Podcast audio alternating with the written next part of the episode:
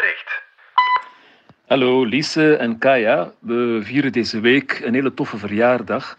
De 50ste verjaardag van The Dark Side of the Moon. Het beroemde album van Pink Floyd. Een van de belangrijkste, beste en populairste muziekalbums uit de geschiedenis van de rockmuziek. Dus ik dacht, hoe zouden jullie het vinden om daar opnieuw naar te luisteren? Ons een keer af te vragen of dat nog steeds zo goed klinkt en waarom. Ik ben Lise Bonduel en van de Standaard is dit Radar, je wekelijkse cultuurpodcast. Radar. Radar. Radar. Radar.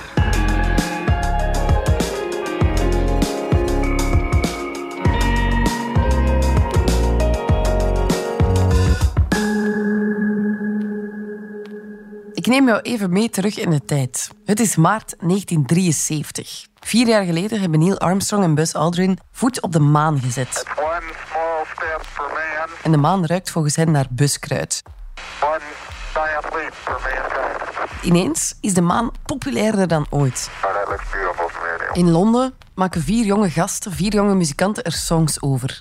Ze heten Pink Floyd en staan op het punt om een album uit te brengen dat 50 jaar later, vandaag dus, nog altijd een absolute klassieker is. Ook al geloofde de band in het begin zelf helemaal niet dat hun best experimentele plaat zo succesvol kon worden en sloot gitarist David Gilmour zelfs een weddenschap af met de manager dat hun plaat nooit in de top 10 zou geraken. Nu, The Dark Side of the Moon, die je wel kent van op t-shirts zelfs, met de iconische prisma en regenboogstralen, is een plaat als een trip, recht naar de kosmos. En ze klinkt vandaag nog altijd even goed als toen. Wat maakt Dark Side of the Moon zo goed dat hij een van de best verkochte albums in de geschiedenis is en vandaag, een halve eeuw later, nog altijd zo relevant is?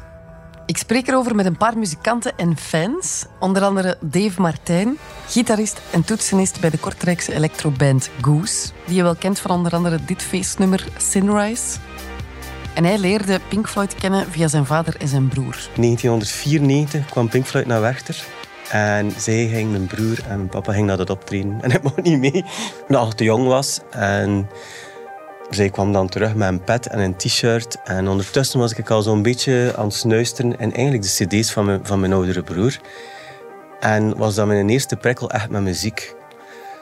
Ik had nooit een voeling gehad met muziek. Ik dacht, muziek is niets voor mij.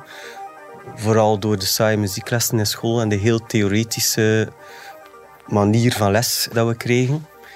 En Pink Floyd was eigenlijk de eerste prikkel dat ik iets had van wow, wat is dat? Dark Side of the Moon is de eerste cd die hij zelf met zijn spaarcenten kocht. Anders had Goose misschien zelfs nooit bestaan. Het is echt wel de start geweest van alles wat ik nu doe met muziek.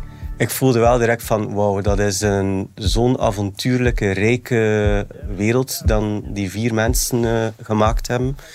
Dat dat iets is dat tijdloos is. Het is een beetje zoals een film van Hitchcock. Ik spreek er ook over met Gert Keunen. Waarbij dat de spanning heel lang wegblijft. En dan plots helemaal toeslaat. Hij is socioloog, maakt elektronische muziek. In het vierde leerjaar begon ik gitaar te spelen. En geeft les over popmuziek. Omdat ik David Gilmour wou nadoen.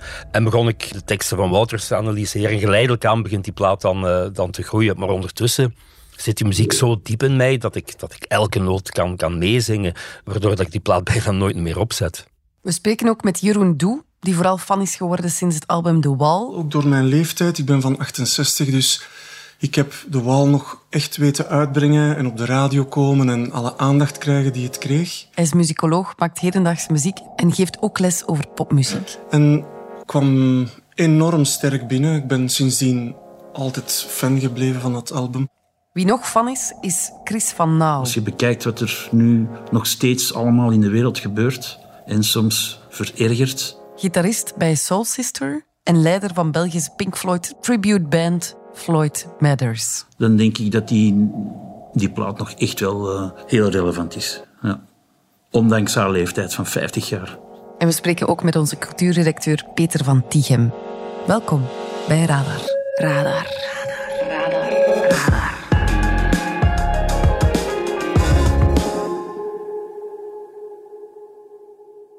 Peter van Tichem, redacteur bij De Standaard. Herinner je je dat nog, dat moment dat dat album uitkwam? Zeer goed, omdat ik uh, zat toen in het begin van het middelbaar onderwijs. Ja.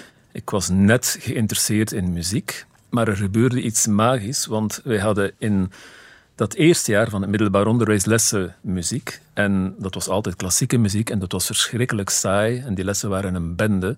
Maar op een dag kwam die leraar af met Dark Side of the Moon. Met een hele muzikale analyse daarvan die we moesten volgen. En dat was de eerste muziekles waar iedereen op het puntje van zijn stoel zat te luisteren.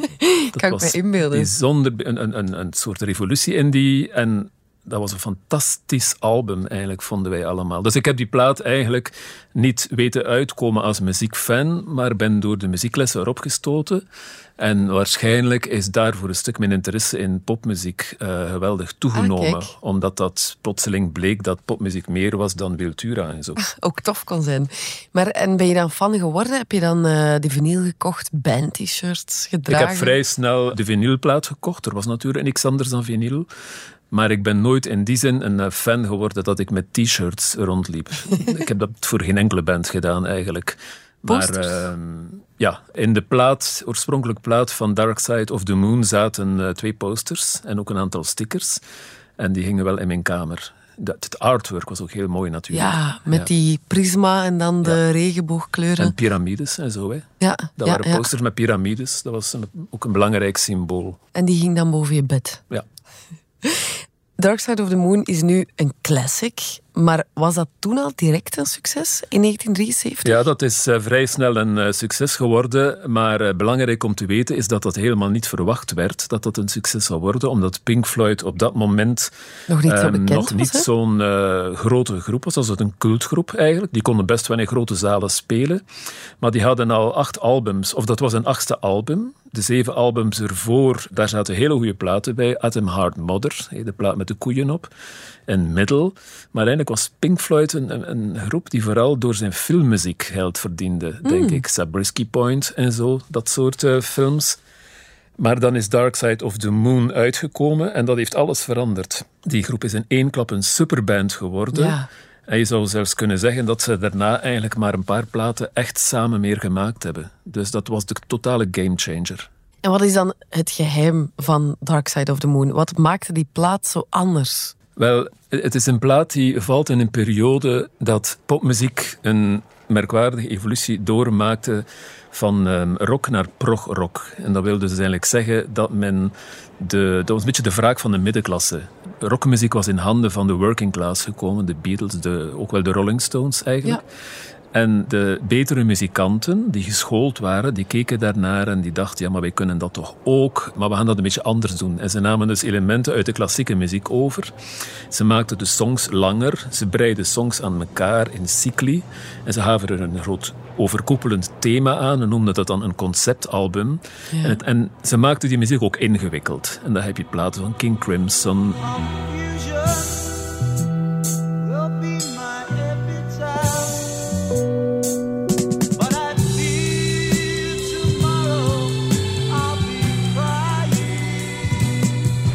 Yes.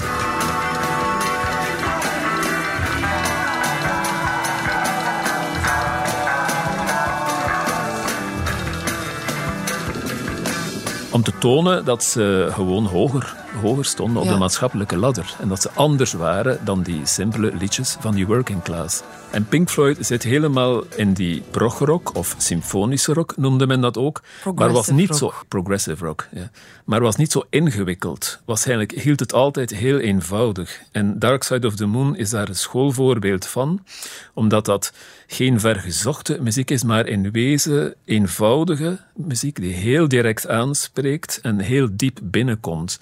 En een van de sleutelelementen om dat te begrijpen is zeker van in het begin al dat er eigenlijk heel weinig akkoorden gebruikt worden. Bijvoorbeeld Breed, het eerste echte nummer dat daarop komt, Ja. na de intro, bestaat maar uit twee akkoorden. En die akkoorden komen de hele plaat lang terug en zijn heel meditatief, zijn als ademhaling. In en uit, open, toe, omhoog, omlaag. Dus ja, op deze manier zitten we eigenlijk in de klankwereld van Breathe, de eigenlijke eerste song van Dark Side of the Moon. Dit is Jeroen Doe, muzikoloog, maakt hedendaagse muziek en geeft ook les in popmuziek. En wat we daarbij horen is dat er gewoon op akkoordisch vlak, op harmonisch vlak, gewerkt wordt met de afwisseling van twee akkoorden. Enerzijds E mineur en A majeur, die op zich staan en samen horen als een twee-eenheid, waarna ze terugkeren. Dat wordt dan een soort van eenheid van twee akkoorden. Daar is eigenlijk heel die song op gebouwd. Dus dat wordt een soort van harmonische rode draad doorheen het album.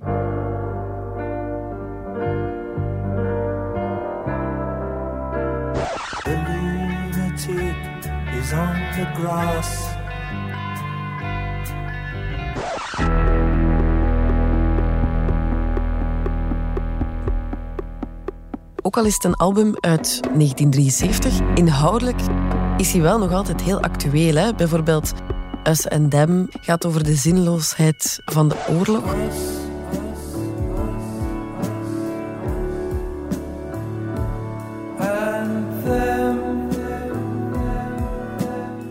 En zo zijn er nog, hè?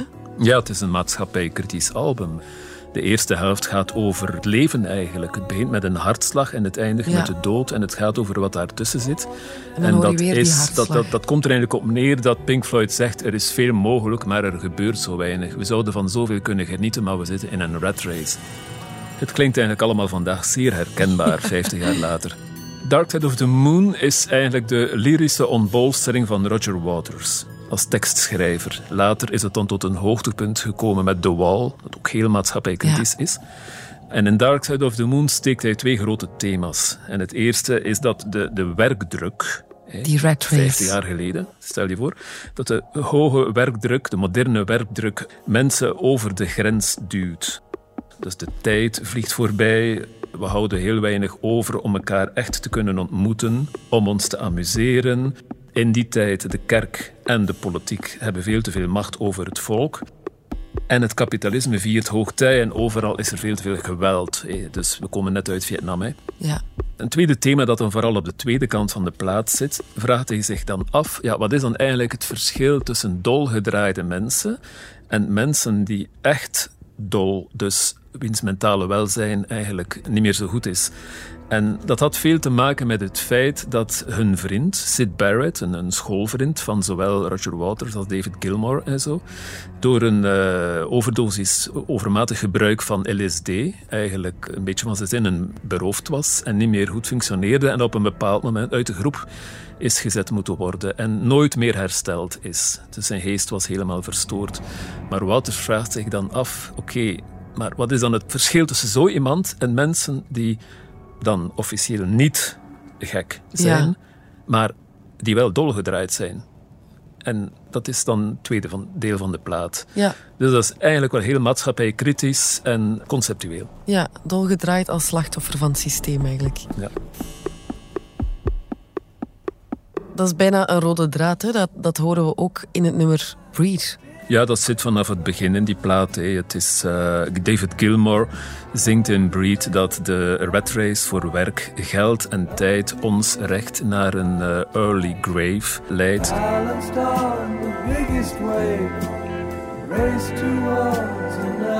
En vlak na Breed krijgen we dan het instrumentale On The Run. Wat niet zo'n zacht nummer is, want Dark Side of the Moon is de hele tijd afwisseling tussen trage en dan heviger nummers. En On The Run is eigenlijk een soort eh, een he- heel elektronisch nummer dat die jachtigheid van het moderne leven als het ware gestalte heeft. Dat je het gewoon voelt terwijl je naar de muziek luistert. Waar gaat de plaat over? Ja, denk wel over emotie. Dit is Dave Martijn weer, gitarist en toetsenist van Een Goose. gemeenschappelijk gevoel van wat dat we maar zijn, de lichtheid, de zwaarheid van het leven. Dat we allemaal doordoen, dat we allemaal gejaagd zijn. En dat we allemaal die balans willen zoeken tussen werk en, en familieontspanning. Stilstaan bij de dingen, maar dat dat veel niet lukt. En dat ons leven ondertussen verder loopt. En dat we het eigenlijk moeten doen met wat we hebben. Wat ik ook echt een bangelijk nummer vind op die plaat is Time. Een ode aan het voorspellen van ja, waardevolle tijd waar je op een dag van hoopt dat je ze terugkrijgt. Inderdaad, hè.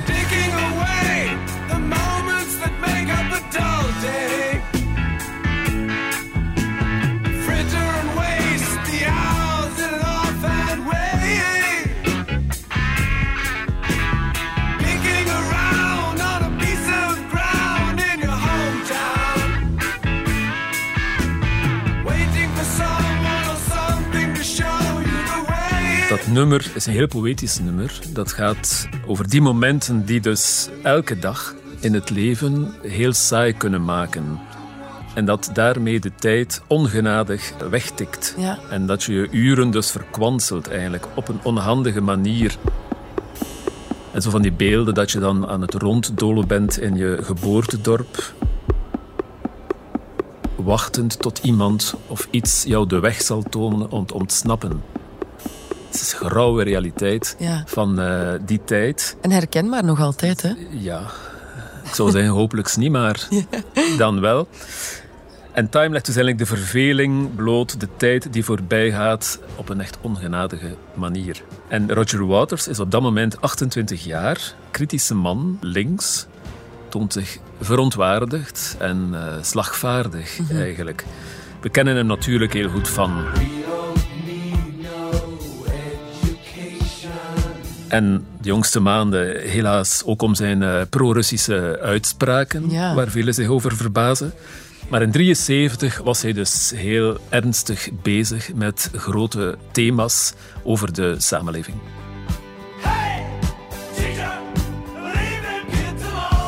Ja.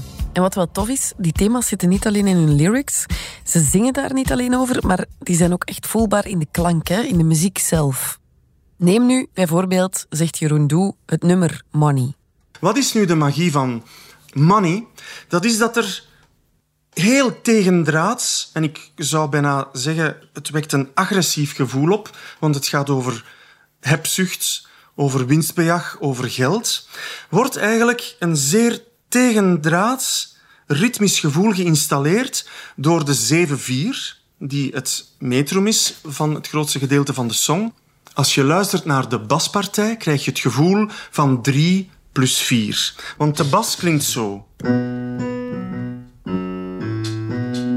1, 2, 3, 1, 2, 3, 4, 1, 2, 3, 1, 2, 3, 4. Hè? Dat klinkt echt als een soort van fundament waar dat de, de zangpartij zich op oriënteert.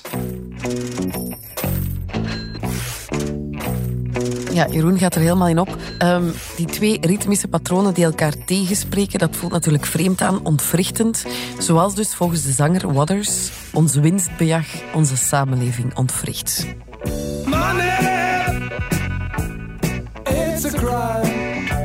Hier in Money is het bewust niet eenduidig, maar bewust ambigu. En vandaar dat dat enorm wringt.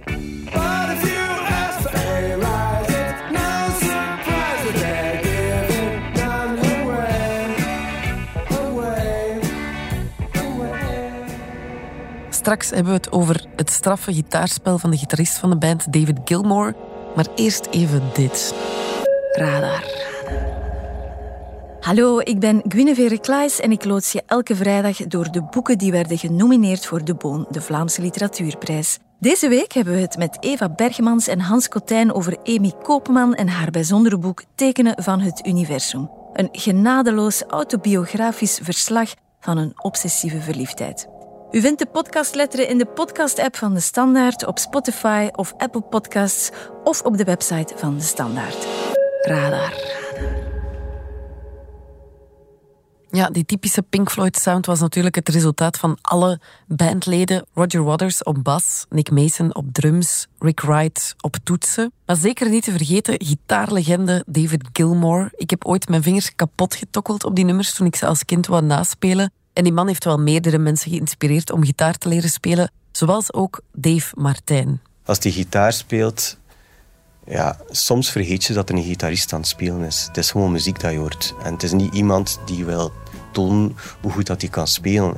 En hij heeft de kunst om eigenlijk een noot heel goed te accentueren. Eén of twee noten, waar hij op terugkeert. Heel traag goed te laten vibreren, die te laten uitkomen. Hij zingt eigenlijk met zijn gitaar. Je kan die solos ook letterlijk meezingen. Ik heb eigenlijk een heel goede leermeester gehad. Ja, ik speelde die tientallen keren per dag om die maar te kunnen. Ja, en wie die nummers nog altijd speelt is Chris van Nauw, professioneel gitarist bij Soul Sister, maar ook leider van de Belgische Pink Floyd tribute band Floyd Matters.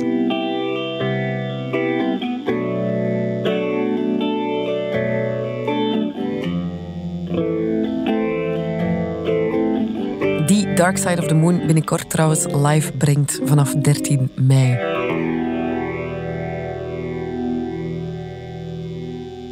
Ik dacht, ja, dat is toch een iconische plaat, zeggen ze.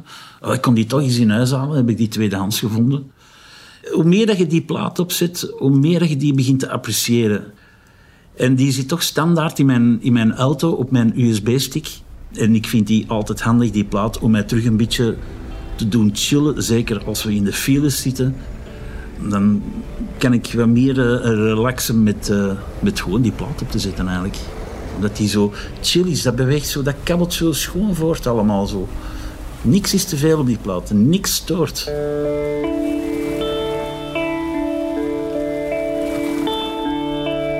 Die mens heeft zo'n warme sound. Dat is on, onevenaarbaar bijna.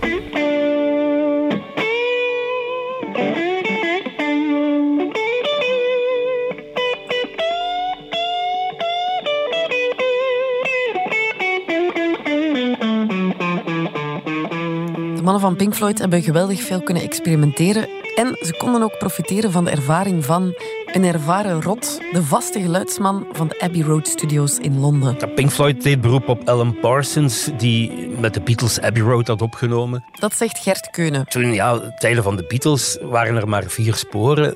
Nu, Dark Side of the Moon, hebben ze opeens 16 sporen waar dat ze volop mee kunnen, uh, kunnen experimenteren, die een zee van mogelijkheden opent. Uh, ze konden bovendien zes maanden aan die plaat werken. Er was heel veel speelgoed, heel veel nieuwe elektronica voorhanden in, Abbey Road. En dat is een enorme luxe. Je kunt het moeilijk voorstellen. Van, ze hadden heel veel tijd, veel audioruimte. Ze konden experimenteren, spontane ingevingen toevoegen, klankeffecten, interviewquotes, een hele collage maken. En het is die veelzijdigheid, die meerlagigheid van die muziek, die die plaat eigenlijk zo vooruitstrevend en zo nieuw maakt.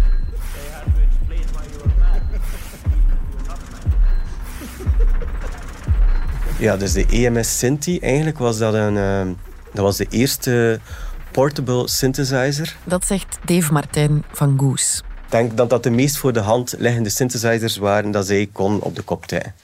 Tegenwoordig is dat een heel gegeerd stuk geworden, omdat er niet zoveel gemaakt zijn. Gewoon een keer.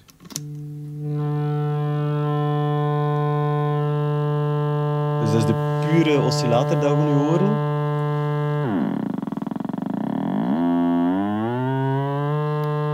Wat het leuke is... Hij rammelt wat. Ik ga een tweede oscillator gaan toevoegen. Dus dat is...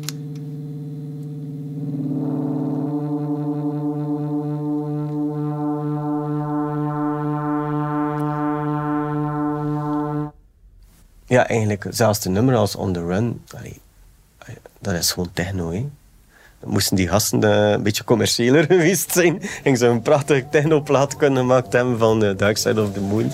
Allee, uh, maar het is heel vooruitstrevend wat ze gedaan hebben.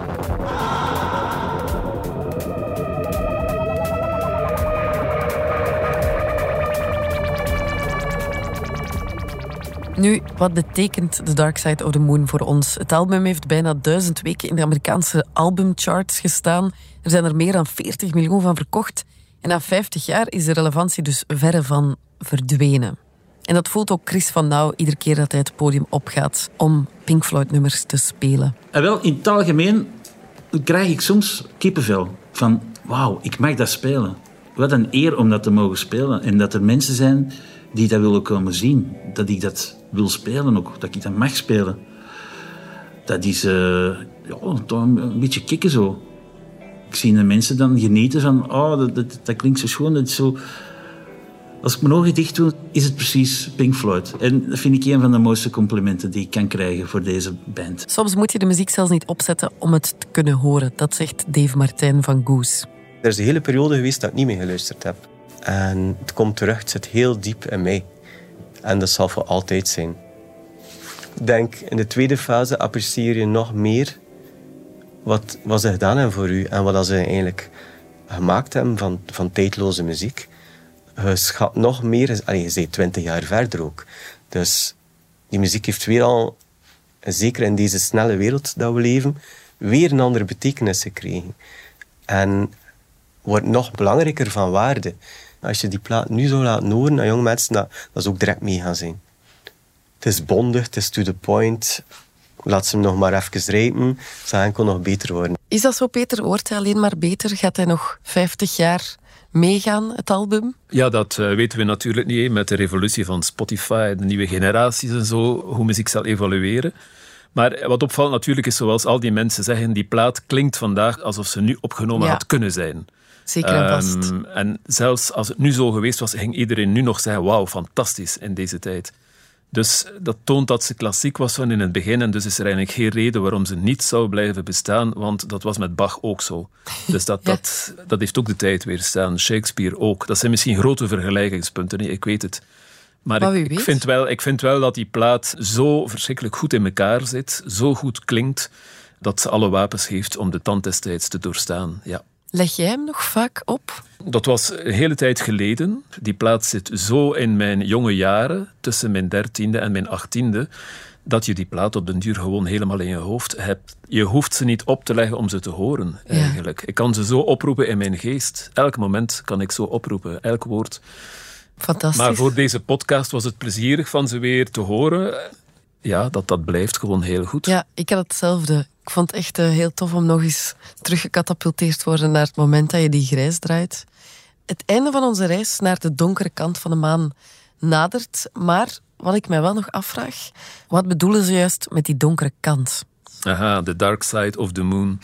Ja, het is natuurlijk een heel mooi moment, iets heel moois, dat die, die woorden, The Dark Side of the Moon, dat die eigenlijk heel ver, 40, minuten- bijna 40 minuten in de plaat ver, bijna op het einde, voor het eerst te horen zijn. And the band in starts playing different tunes, see you on the side the moon. En ja, ik heb daar mijn interpretatie over. Het komt er een beetje op neer dat volgens mij dat Roger Waters zegt dat wij leven met lichte en duistere momenten. En die zitten in ons. Die zitten ook in de samenleving.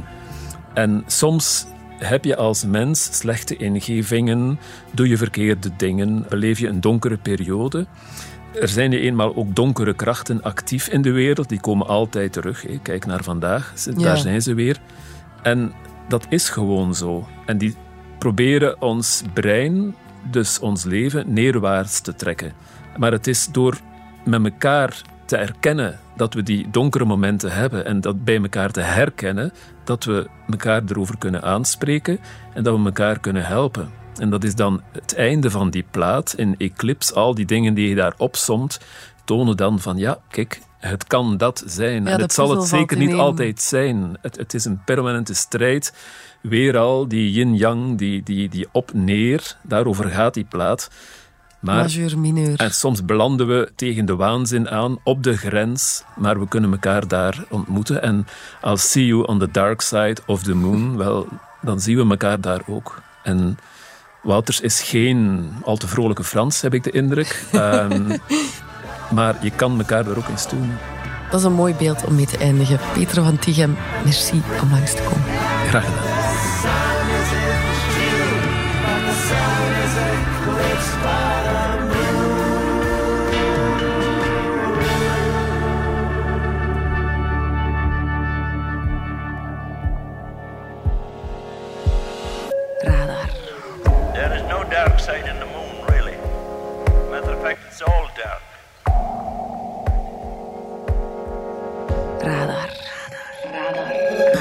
Voilà, ik hoop dat je ervan genoten hebt. Dit was Radar, de wekelijkse cultuurpodcast van de Standaard. Alle credits vind je op standaard.be-podcast. Merci om te luisteren en eh, tot volgende week.